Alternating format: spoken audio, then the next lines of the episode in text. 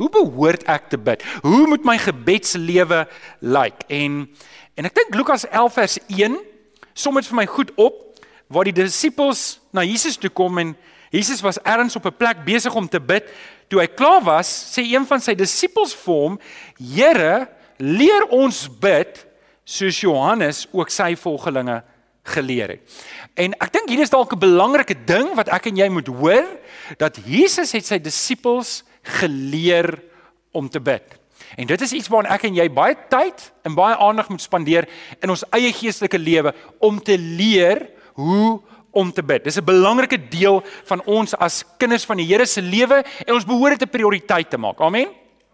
Amen. Nou Jakobus spreek twee probleme aan wanneer dit kom by gebed en en hier is 'n preek op sy eie en ek kan nou nie baie daarin gaan nie, maar vir tog die twee probleemareas wat in ons lewe mag wees wat Jakobus aanspreek. En en hy sê dit in Jakobus 4 vers 2 tot 3 en hy sê die woorde: "Julle kry nie omdat julle nie bid nie." En dan sê hy verder: "As julle bid, ontvang julle nie omdat jy verkeerd bid. Nou okay, ek haal nou daai stukkies uit en gaan nou 'n kort verduideliking gee. So die eerste probleem wat wat hy aanspreek in in 'n Christen. Onthou, Jakobus skryf vir Christene. Hy skryf nie vir ongelowiges nie. Hy sê die eerste probleem wat daar is in Christene se lewe, 'n 'n tipiese probleem is biddeloosheid. Christene bid net nie. En ek dink, ek dink daar's 'n paar redes daarvoor. Ons is baie besig en en weet, as ek 'n probleem het, dan kan ek bank toe gaan, ek kan geld gaan leen, ek kan my kredietkaart gebruik en en veral ons westerse mense wat half en half eerste wêreld is, Ons het nie eintlik die Here so nodig nie. So wanneer wanneer die Here Jesus se disippels leer, Here gee ons ons daaglikse brood, dan voel ons half en half, maar dis nie van toepassing op ons nie. Daar's baie mense wat honger ly. Hulle kan bid vir hulle daaglikse brood, maar ek is okay, Here, dankie. Ek sal roep as ek hulp nodig het. En dit lei tot biddeloosheid. Dit lei tot biddeloosheid. En die tweede probleem wat Jakobus aanspreek is 'n gebedslewe wat verkeerd ingestel is.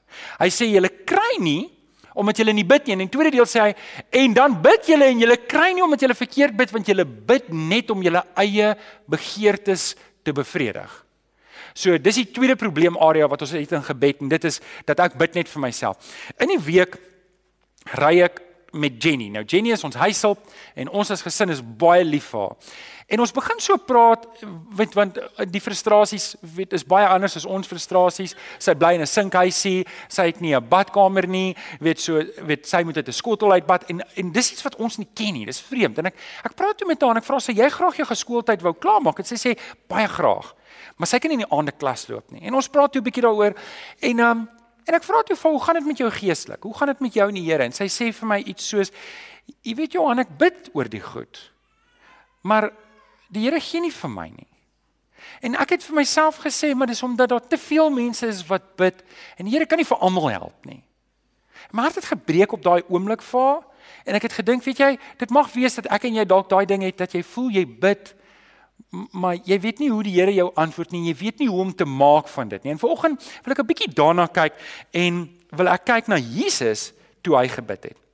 En as ek dalk dit nou kan sê is as ek die tafel nou gedek het vir hierdie preek, vir hierdie boodskap, wil ek spesifiek met jou praat as jy in 'n worsteling is. Jy kry nie uitkoms vir daai situasie nie. Jy bid regtig en jy het al gepleit en jy het al gehuil by die Here.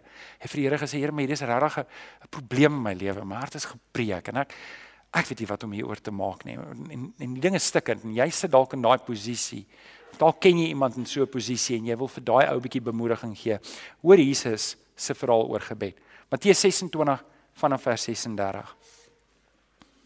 Daarna kom Jesus met sy disippels by 'n plek met die naam Getsemane. En hy sê vir hulle: "Sit hier terwyl ek daar gaan bid." Dis nou van Jesus se laaste woorde saam met sy disippels voordat hy gekruisig is.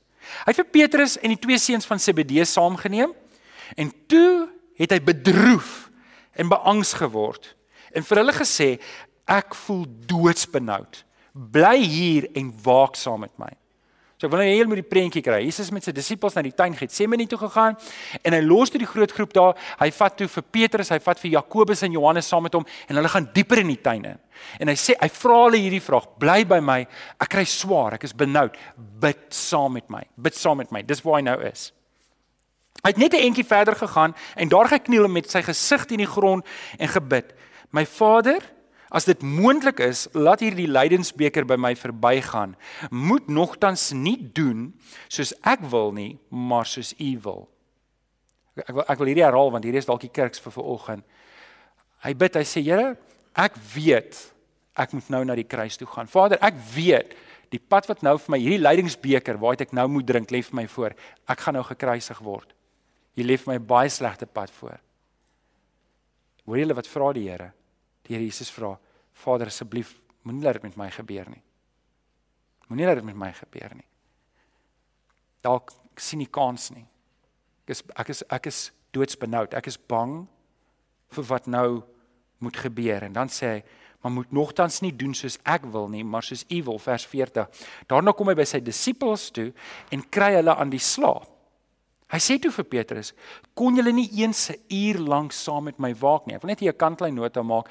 Met ander woorde, Matteus het nie vir ons die hele gebed, die hele worstelgebed opgeskryf nie.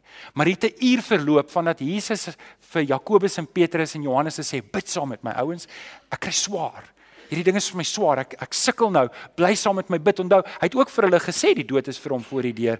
Petrus het nog gesê, Here, dit besweer U dit sal nie gebeur nie. En, en so die Here het baie duidelik vir hulle gemaak, hier kom nou 'n groot probleem wat hulle gaan aanspreek en hy gaan en hy bid vir 'n uur. Hy worstel vir 'n uur met die Vader en hy kom terug en hy kry die disippels aan die slaap en hy en en hy sê vir hulle, "Waak en bid," vers 41, sodat julle nie in die versoeking kom nie. Die gees is gewillig, maar die vlees is swak. 'n Tweede keer het hy weer gaan bid en gesê: "My Vader, as hierdie lydensbeker nie by my kan verbygaan nie sonder dat ek daarvan hoef te drink nie, laat U wil geskied." Toe hy terugkom het hulle weer aan die slaap want van die vaak kon hulle nie hulle oë oopgehou het nie. Hy het hulle weer alleen laat bly en 'n derde keer gaan by dieselfde woorde gesê. En toe kom hy na die disippels toe terug en sê vir hulle: "Slaap en rus julle nog. Die uur het gekom.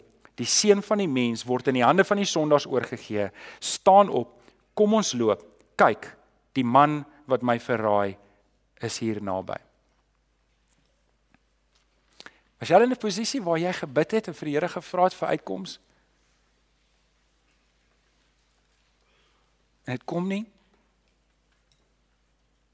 As jy op 'n plek waar jou naaste vriende wat saam met jou moes staan net nie net nie jou las saam met jou kon dra nie en jy voel alleen. Dis waar Jesus was op hierdie stadium. Is dis waar ons hom hier kry. En ek wil vier lesse uit Jesus se oomblik van swaar kry in gebed vir ons uithaal vir vanoggend se boodskap. Net net hierdie vier dingetjies uithaal wat ek glo kan vir jou bemoedig wanneer jy voel jy kry swaar. Wanneer jy voel maar jy bid en jy kry nie 'n antwoord nie. En wanneer jy voel jou beste beste vriende met hulle beste intensies skiet net ver te kort.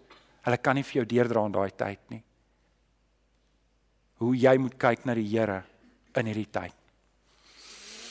Vriende, ek gee vir julle 'n raamwerk om op te skryf, want my ondervinding is as jy skryf, onthou jy goed beter en en ons is tog nie hier net vir 'n mooi boodskap nie, ons is tog hier om in ons lewens in te belê. So as ek jou vra om te skryf op jou raamwerk, dan is dit omdat ek wil hê dit moet meer net as 'n mooi boodskap vir oggend. Ek wil hê dit moet 'n impak maak op jou lewe. So die eerste ding wat ons kan leer uit Jesus se gebedslewe, die eerste les wat ons kan leer uit sy gebedslewe is bid gereeld.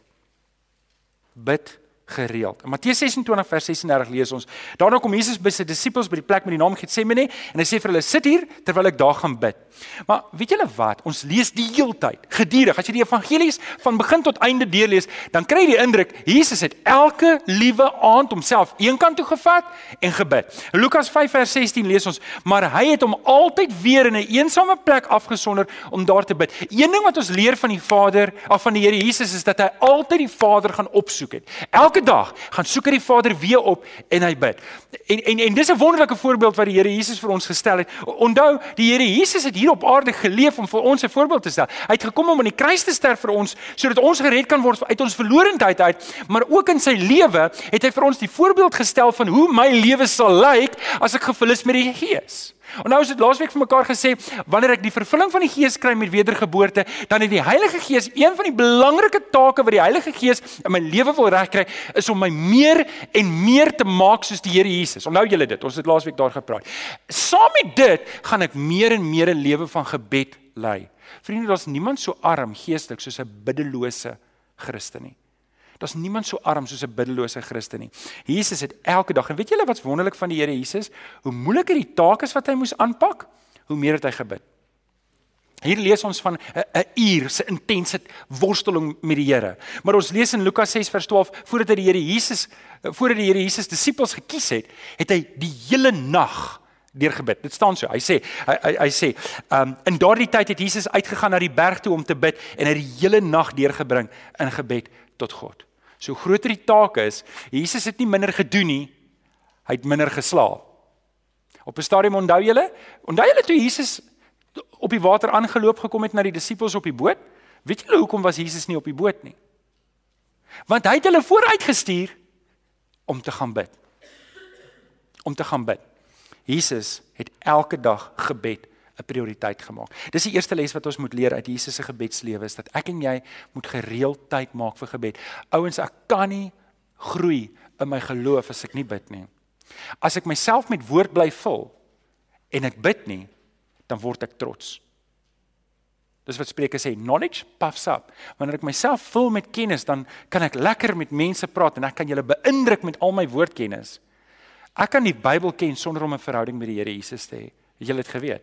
Ek kan ek kan die Bybel goed ken van voor tot agter. Ek kan 'n wonderlike teoloog wees sonder om 'n verhouding met die Here Jesus te hê. So, dis wat gebed doen. Gebed bring my in daai verhouding. Nommer 2. Die tweede ding wat ons leer van die Here Jesus se gebedslewe is bid in alle omstandighede. Bid in alle omstandighede. Matteus 26 vers 37 tot 38 sê: "Toe het hy bedroef en beangs geword en vir hulle gesê: Ek voel doodsbenoud." Bly hier en waak saam met my. So hierdie is 'n belangrike les wat ons nog steeds by die Here Jesus kan leer. Ouens, is dit is dit is dit sonde om angstig te wees? Wat dit hang af hoe jy reageer op daai angs.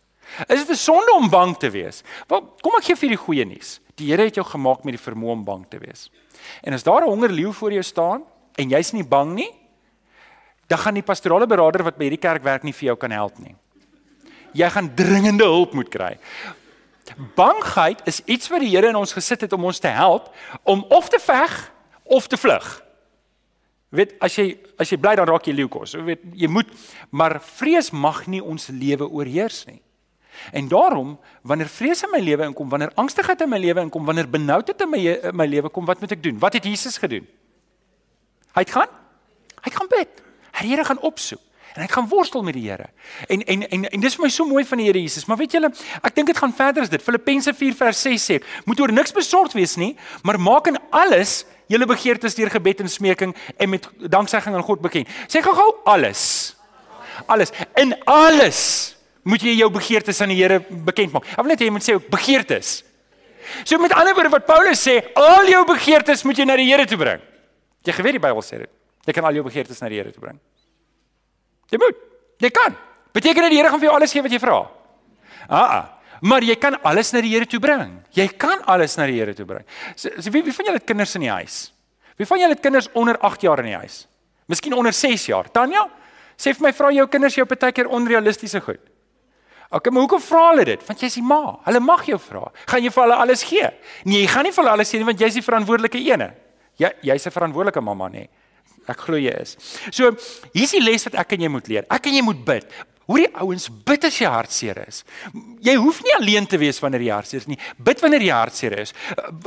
Bid wanneer jy bly is. As jy bly is, prys die Here, sit 'n loflied aan. Bid wanneer jy die mekaar en verward is en wanneer jy wysheid nodig het. Bid dan. Bid dan wanneer jy ook moeilike besluite moet neem. Bid in elke liewe omstandighede. Weet julle wat sê daai Filippense 4:6 mooi? Hy sê hy sê maak in alles julle begeertes en danksegging en in smeking aan God bekend. En dan sê die tweede deel, dis 'n belofte wat die Bybel maak en jy sal vrede ontvang. Sê gou-gou vir my, die Here Jesus het hoeveel keer gaan bid? Wys ek vir julle. Ja, hè? Wil julle nie eksamens by my kom skryf nie. Ek sal vir julle die antwoorde weggee. Um so hy drie keer gaan bid en en hy vra die Vader dieselfde ding. En wat het hy gedoen toe hy klaar is? Hy het opgestaan en hy kon sy dag in die oë kyk. Was die moeilikheid nog steeds daar? Ja, sien dis wat gebed doen. Gebed stel my en jou in staat om met krag op te staan. Al het die omstandighede nie verander nie. Al het die omstandighede nie verbeter nie.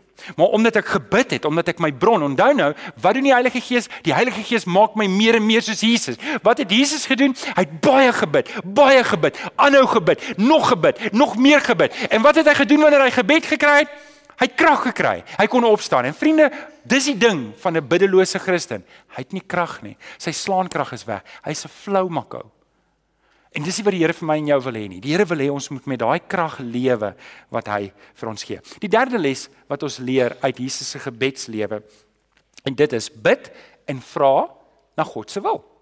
Bid en vra na God se wil.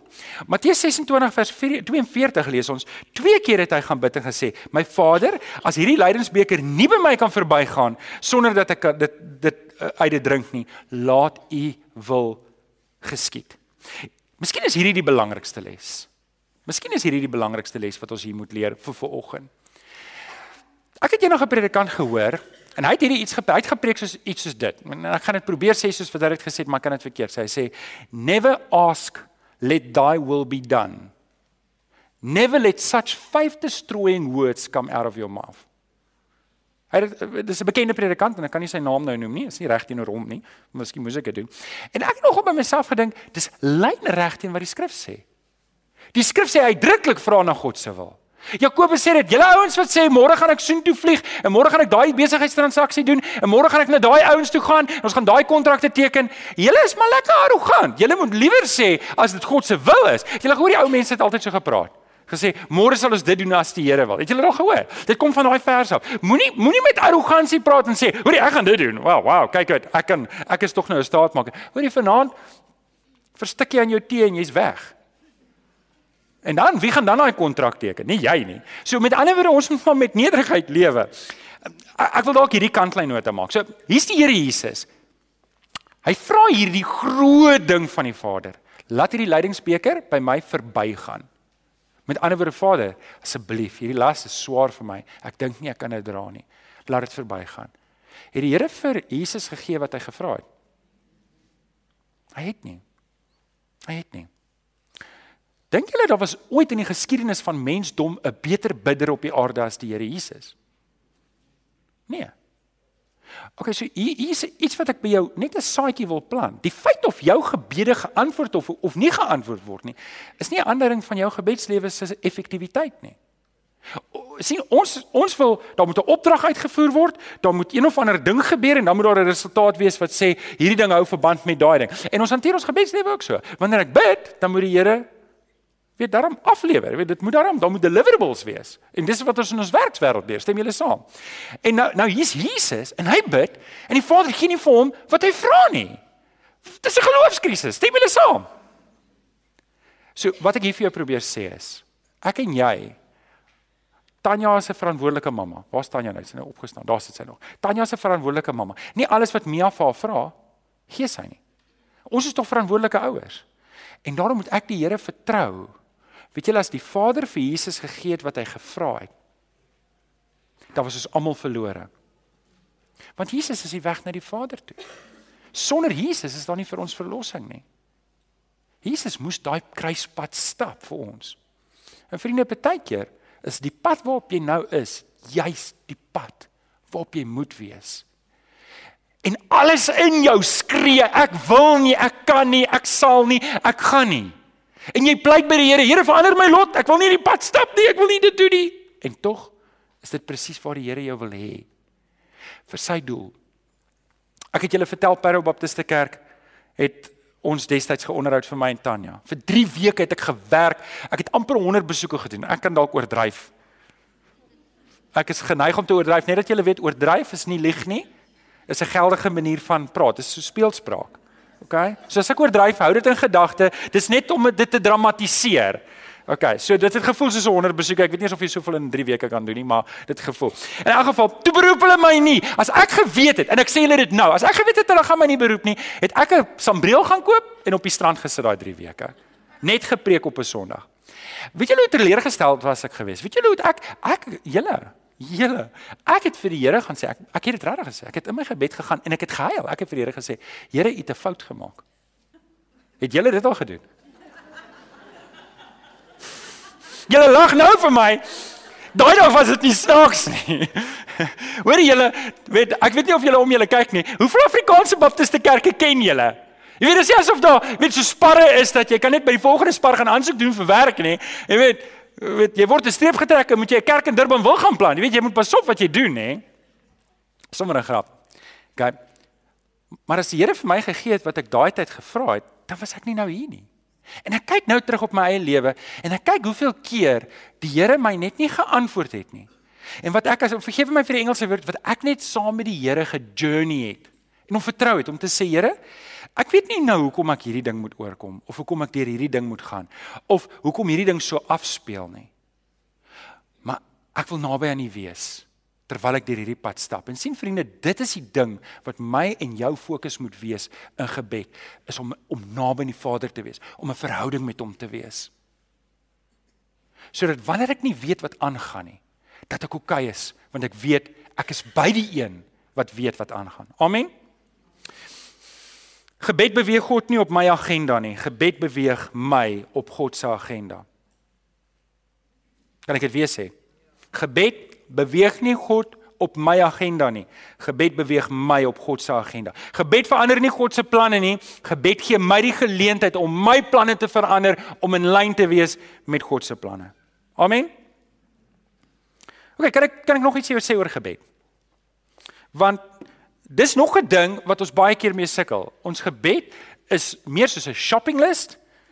Um wat jy wat jy eh, eh, weet jy ek ek is nou die vroue ding is nou vars in my kop en Christel kom daar met 'n lys. Johan, jy moet so laat dit doen, so laat dit doen, so dan doen. En ek dink baie keer hanteer ons ons gebedslewe so. Here, weet so hier's die situasie nou, ek het my budget opgestel. Dis R2000 onderdeur. So, Here, eh, weet, daar moet maar nou oortyd gewerk word en en en so eintlik is dit net 'n klomp versoeke na die Here se kant toe. Nou hoor gou hierdie twee verse. Matteus 6 vers 8. Julle Vader weet wat julle nodig het nog voordat julle dit van hom vra. Hier's die ding. Ek wil gou gou hê, maak gou. Jy's okay. Die Here weet wat jy nodig het. OK? Maar hoorie, sorry Tanya, jy's nou op my versuur. Ek pik nou op jou. So, Tanya vergeet elke liewe dag om haar kinders kos te gee. Sy vergeet net. Dit moet sê nie dat sy 'n slegte ma is nie. Weet sy vergeet net en dan wanneer daai kinders honger is vir die kinders, mag jy ons kos. Ek wil daai kleinste een kan nog nie eens dit sê nie. Dit mamma. En dan gee sy hulle maar kos. Is dit hoe dit gebeur? As die pa in beheer was Pieter, weet dan het dit dalk so afgespeel. Maar ouens, wat ek vir julle probeer sê is God maak dit duidelik. Ouens, julle is oukei. Okay. As jy 'n kind van die Here is, is jy 'n Ek het dit nou net gesê. 'n Kind. Jy's 'n kind. Jy gaan oukei okay wees. Die Here gaan jou nie drop nie. Okay? Vertrou hom net. Vertrou hom net. Ja, Paulus was op 'n boot wat gesink het. Het dit oukei okay uitgedraai? Wel jy kan sê nee, slang het hom gepik. Wel, hoe dit uitgedraai? Dit het oukei okay uitgedraai. Jy hou jou oop op die Here. Al weet jy nie wat aangaan nie, hy sal vir jou deurdra. Matteus 6 vers 33. Beywer beywer julle allereers vir die koninkryk van die God, vir sy wil. Dan sal hy vir jou al die ander dinge gee. Jou fokus is nie wat jy nodig het nie. Jou fokus is om te sê, Here, wys vir my wat U wil hê ek moet doen en dis dit. Dis eintlik al. Gaan oor 'n verhouding met God. Sam vir die ou langs aan en sê, gebed gaan oor 'n verhouding met God. Alraai, dan bring ons by die laaste ene. Bid sonder ophou. Bid sonder ophou. Matteus 6 vers 44 lees ons, hy het hulle weer alleen laat bly en 'n derde keer gaan bid. En hoor hierdie woorde en dieselfde woorde gesê.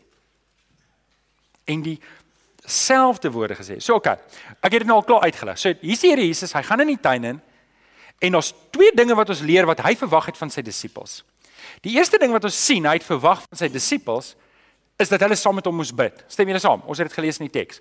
Hy hy, hy het 'n verwagting gehad. Julle drie kom nou saam met my, Johannes, Jakobus en Petrus. Ons gaan nou dieper in die tuin en ek gaan 'n entjie verder gaan. Bid saam met my. Ek het julle nodig dat julle saam met my in ondersteuning moet bid. So hulle maar nog 'n ding wat ons sien die Here Jesus hier onderliggend sê, is Jesus het vir 'n hele uur daai eerste keer gebid. Vir 'n hele uur het hy alleen saam met die Vader spandeer en hy teruggekom en In sy angstigheid het hy teleurstelling getoon dat sy disippels nie saam met hom daai pad gestap het nie. So hy's beslis, hy's beslis iets van 'n 'n bid sonder ophou. Hou aan bid, hou aan bid, hou aan bid, moenie ophou bid nie. En en dit dit gesê, ons het nie die hele inhoud van daai gebed nie. Ons het net die sin. En in baie plekke in die Nuwe Testament word daar net twee sinne of drie sinne gesê om vir ons te sê wat die tema was van daai onderwerp waar Jesus gepraat het. Maar as jy sien hoe lank Jesus daar was, kom jy agter, daar was baie meer gesê. Ons het nie al daai inhoud nie. Onthou, Matteus skryf met 'n spesifieke doel. Hy skryf vir Jode. Johannes skryf sy aard en styl is heeltemal anders. Markus skryf weer 'n baie kort en bondige en en en. As jy Markus lees in die 53 vertaling, dan sien jy hy hy heg omtrent al sy sinne aan met en. Markus in die Grieks is omtrent een lang sin van begin tot einde. Okay, nou nie heeltemal so nie, maar weet jy, hy sal sê drr en drr en. Die van julle wat 'n 53 vertaling het kan. En Lukas is weer 'n dokter en hy's baie gesofistikeerd en het baie spesifieke navorsing gedoen. En ons kan later kyk na die sinoptiese evangelies in Johannes om meer daaraan te gaan. Maar wat ek eintlik hier probeer net vir julle sê is is dat Jesus het 'n baie lang tydperk in gebed spandeer. En hier is die opmerking. Hy het dieselfde goed 3 maal gebid. Hy het dieselfde ding 3 maal na die Here toe gebring. Dieselfde onderwerp, dieselfde probleem. En ek het ook al preke gehoor om te sê hoe die Here is nie soos ons nie, hy vergeet nie jy hoef hom dit net een keer te vra. Alhoewel dit waar is, dit is waar die Here vergeet nie iets nie. Jy het nou gehoor van die vrou wat vir die man vra om die kamer oor te verf. En na baie lank is die man al mismoedig en hy sê vir die vrou: "My vrou, ek sal die kamer verf. Jy hoef my nie elke 6 maande te herinner nie." nou Die Here is nie so nie. As ons bid, dis nie om die Here te herinner nie. Maar my krisis kan vir my so op so realiteit wees, so besig wees om my te absorbeer dat ek kan nie verby dit kom nie. Jesus vertel 'n verhaal van die onregverdige regter. Jy onthou dit, nê? In Lukas 18 vers 1. Hy vertel hierdie verhaal van hierdie onregverdige regter en ek het dit al 'n paar keer verwys na en ek wil net hierdie punt weer hier maak. En en hierdie vrou Uh, iemand het haar ingedoen en sy gaan na die regter toe, maar die regter is onregverdig. Wat dit beteken is hy soek geld onder die tafel. Klink so Suid-Afrika, né? Nee? Okay, nie heeltemal nie. En en en maar sy sy het nie geld nie. Sy kan hom nie omkoop nie. So wat doen die regter? Die regter stuur haar weg. Hy stuur haar weg. Hy stuur haar weg. Maar elke liewe dag as hy sy deur oopmaak, staan die vrou daar en sê: "Asseblief regter, doen reg aan my saak. Asseblief regter, doen reg aan my saak." En dan en dan Jesus begin hierdie verhaal met hierdie woorde. Is jy reg hiervoor? Lukas 18 vers 1. Jesus het vir hulle 'n gelykenis vertel om duidelik te maak dat hulle altyd moet aanhou bid sonder om moedeloos te word. Wat 'n oud verhaal om te vertel, dink julle nie? Maar die punt wat Jesus hier probeer maak is moenie ophou bid nie. Moenie as as jy 'n probleem het en jy daar gebid en môreoggend staan jy op en jy voel nog steeds so oor jou probleem, raai wat moet jy doen? Jy moet weer bid daaroor van daai selfde probleem na die Here toe. Julle ek is so bly ek het vroeg in my geloofslewe hierdie ding gesnap. Van ek bid nie tot my probleem weggaan nie. Ek bid tot ek vrede het met God oor my probleem. Want sien, dan kan die probleem weggaan of nie weggaan nie. Maar wanneer ek by die Here gaan sit met my probleem, kan die Here my probleem gebruik om my karakter te vorm. Gaan alles oor gesindheid. Wanneer ek wanneer ek hierdie groot probleme het wat ek het baie keer, en ek bid nie, dan kry die Heilige Gees nie kans om die woord van die Here lewendig in my lewe te maak nie. Dit gebeur met gebed. Bepeinsing, bepeinsing wat ons in die ou vertaling staan daar om te mediteer, die die die King James version, maar ons Afrikaners is bang vir die woord mediteer. Dit klink soos iets wat in die ooste gebeur. Um maar maar dis 'n Bybelse woord. Hebreëus gebruik. Om te mediteer beteken om dit wat die Here vir jou in die woord gegee het in jou gedagtes met hom te bespreek en te oordink en toe te laat dat die Heilige Gees vir jou 'n nuwe openbaring gee. Ek en jy moet aanhou bid. Ons moet op, is daar 'n probleem in jou lewe? Hoekom bid jy nie daaroor nie? Is daar iets wat jou terughou? Hoekom bid jy nie daaroor nie? Sê maar Johan, ek het daaroor gebid. Moenie ophou nie. Laat toe dat die Here daai probleem in jou lewe gebruik om jou karakter te vorm. Hoor gou-gou hierso. Sê gou-gou vir my. Hoe die Here die aarde geskep? Hy het net gespreek. Sê gou vir my, is jou probleem groter as hierdie skepping? Dink jy dink jy jou probleem is vir die Here 'n probleem? Nee, hy sê vir jou 'n probleem nie. OK. So as die probleem, as jy sê jy's 'n kind van die Here en jy sit met probleme, dan wil ek vir jou sê dis nie jou grootste probleem nie. Gaan na die Here toe. Hy maak hy maak jou probleme toerusting wat hy in jou lewe kan gebruik om jou te kry waar hy jou wil hê. En dit moet ons gesindheid wees oor ons probleme. Ek wil ek wil afsluit. Ek wil afsluit. Met so 'n paar gedagtes. Dankie Kenny. Eers wil ek vir julle 'n prentjie wys. Ek het hierdie prentjie gekry want ehm uh, um, iewers het ek 'n preek gehoor en ehm um, wat die ou gesê het, ja, don't just stand there, pray something. En en ek dink dis dalk 'n goeie benadering. Daar's 'n daar's 'n ou wat 'n boek geskryf het as jy in die bank is en jy wag, dan moet jy vir jouself vra, hoekom is jy daar? Maar jy sê jy wag, jy moet geld trek. Maar nou wag jy. Dalk was jy by die lughawe die laaste tyd en jou vlug is gekanselleer want jy was gelukkig genoeg om 'n SAL kaartjie te hê. OK, en nou as jy vertraag, sê gou vir my, het die Here daai goed geweet? Paulus sê the spiritual man judges everything spiritually. The spiritual man judges everything spiritually. Ons sê ons mag nie oordeel nie. Paulus sê die geestelike mens kyk na hierdie lewe met geestelike oë. Niks is toevallig nie. Alles is onder die Here se beheer. Jy saam met die Here oral. Of jy bewus is van hom of jy nie bewus is van hom nie, hy is daar. En verbeel jouself jy kan met hierdie met hierdie brille leef as ek in die bank is en ek moet wag. Hoekom wag ek? Wat moet ek doen met daai tyd? En hierdie ou het geskryf in die boek in die boek kyk net vir die mense om jou. Kyk net vir die mense om jou. Die Heilige Gees gaan vir jou sê vir wie jy moet bid. En jy gaan jouself kry dat jy vir mense begin bid en en jy gaan mense se hartseer begin beleef en jy gaan hulle opgewondenheid begin beleef en die Here gaan vir jou geleenthede skep om te getuig because the spiritual man judges everything spiritually. Paulus maak 'n paar opmerkings oor gebed. Janke, kan jy vir ons die volgende enetjie opsit? Hy, hy hy sê 'n paar dinge. In Romeine 1:10 vra hy vir die gemeente. Nou sê hy vir die gemeente, ek bid dat die Here dit moontlik sal maak om vir my vir julle te besoek. Hy hy, hy bid, sy hart is by die gemeente en hy sê, ouens, ek bid om by julle uit te kom. Ek bid om julle te kom bedien. Is dit nie wonderlike gedagte dat hy bid dat die Here wil jy nie saam met my begin bid en vir die Here vra, Here, help my, skep vir my 'n geleentheid om mense te bedien nie. Dis waarop ons gebed moet fokus wees. 2 Korintiërs 13 vers 9 lees ons dat hy bid vir die geestelike volwassenheid van die gemeente. Wat 'n wonderlike ding om te bid. Ouens, wil julle nie saam met my begin bid vir geestelike volwassenheid in hierdie gemeente nie? Wil julle nie saam met my bid nie? Ek wil jou vra sê, mm, as jy saamstem. Sê, mm, kom ons bid saam. Dis wat Paulus doen. Hy bid vir die gemeente. Efesiërs 1:17 tot 18. En julle moet my vergewe as ek vinnig praat, want dis een van die goed wat ek doen as ek opgewonde raak. Hy sê hy bid vir die gemeente dat hulle wysheid sal hê en dat hulle geestelike oë sal oopgaan, dat hulle geestelike oë sal verhelder.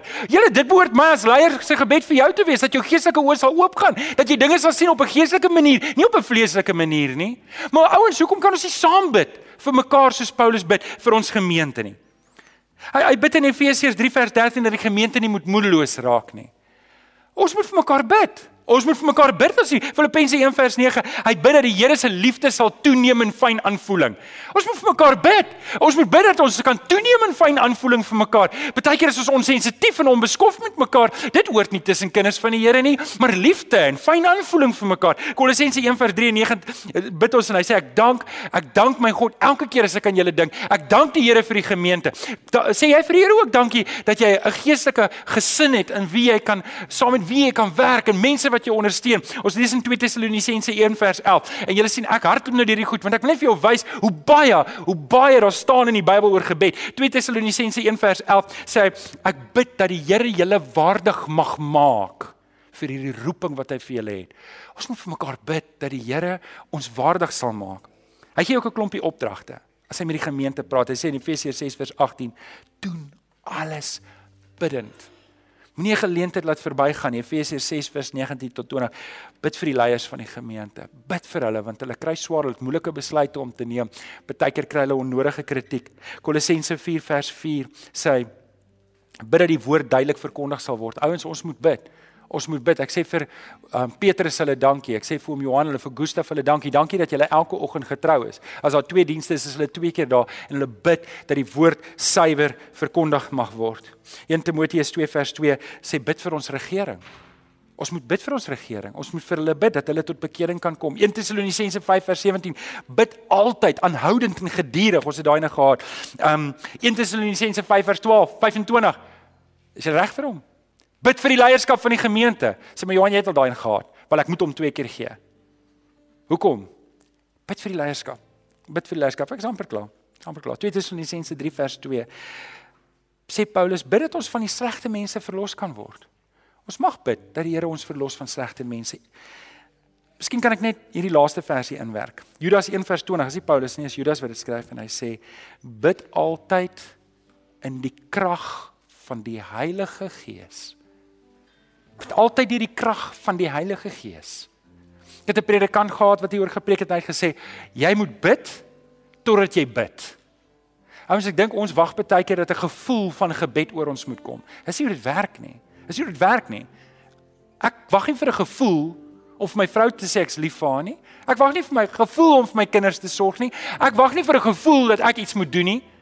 Ek doen dit want ek weet dis wat ek moet doen, dis wat ek 'n behoefte aan het, dis wat ek nodig het. En ouens, ek wil vir jou kom uitdaag om jou gebedslewe op te jack in die Here. Ek wil vir jou bid. Ek wil vir jou bid, maar ek gaan ook 'n geleentheid gee om te reageer. As jy vanoggend wil opstaan en sê Here, ek wil ook hê my gebedslewe moet sterker word. Ek is nie tevrede met waar my gebedslewe nou is nie. Ek kan hoor dat ek moet dit op, ek moet dit op, ek moet na die volgende vlak toe gaan en ek wil vir u vra om my te help. Here, ek gaan vir jou daai uitdaging gee. Kom ons bid saam. Vader, baie dankie. Dankie Here dat ons kan saam bid en en Here, ek staan ver oggend omdat ek kom vra Here. Ek kom vra dat U in my lewe sal werk dat ek meer en meer 'n bidder sal word. Here dat ek soos Paulus ook gesê dat the spiritual man judges everything spiritually. Want Here, dis wanneer ek in my vlees reageer en wanneer ek in my vlees kyk wanneer ek hierdie foute maak, maar ek weet Here wanneer ek bid en wanneer ek by U is, kom U deur die Heilige Gees en U maak dat ek meer en meer soos Jesus Christus optree. Ek kom vra Here dat U in ons harte sal werk en as jy vanoggend wil ek moet spesifiek vir jou ook bid. Wil ek jy staan op waar jy is? As jy sê ek wil ook. Ja, ek wil ook. Ek wil ook meer maak vir my gebedslewe. Ek wil ook meer maak vir my gebedslewe. En dis nie omdat ek iets uit die Here uit wil kry nie, dis omdat ek wil hê die Here moet meer van my kry. Ek wil hê die Here moet meer van my kry. Ek wil my agendas kruisig sodat die Here deur my kan werk en kan doen wat hy wil hê. Kom ek bid vir julle. Here, ag ons staan hier Here nie in eie krag nie, nie in eie wil nie. Ons weet Here waar ons is en Here ons weet ons is in eie krag tot so staat tot so min. Maar vanoggend kom vra ek Here dat dit nie ek sal wees nie dat dit nie ons sal wees nie, maar dat U deur die Heilige Gees in ons bidendheid sal skep dat ons U werklik sal soek. Ons bid dit in Jesus naam en die kinders van die Here sê Amen. Kom ons staan. Dan sing ons saam met Kenneth vir die volgende lied.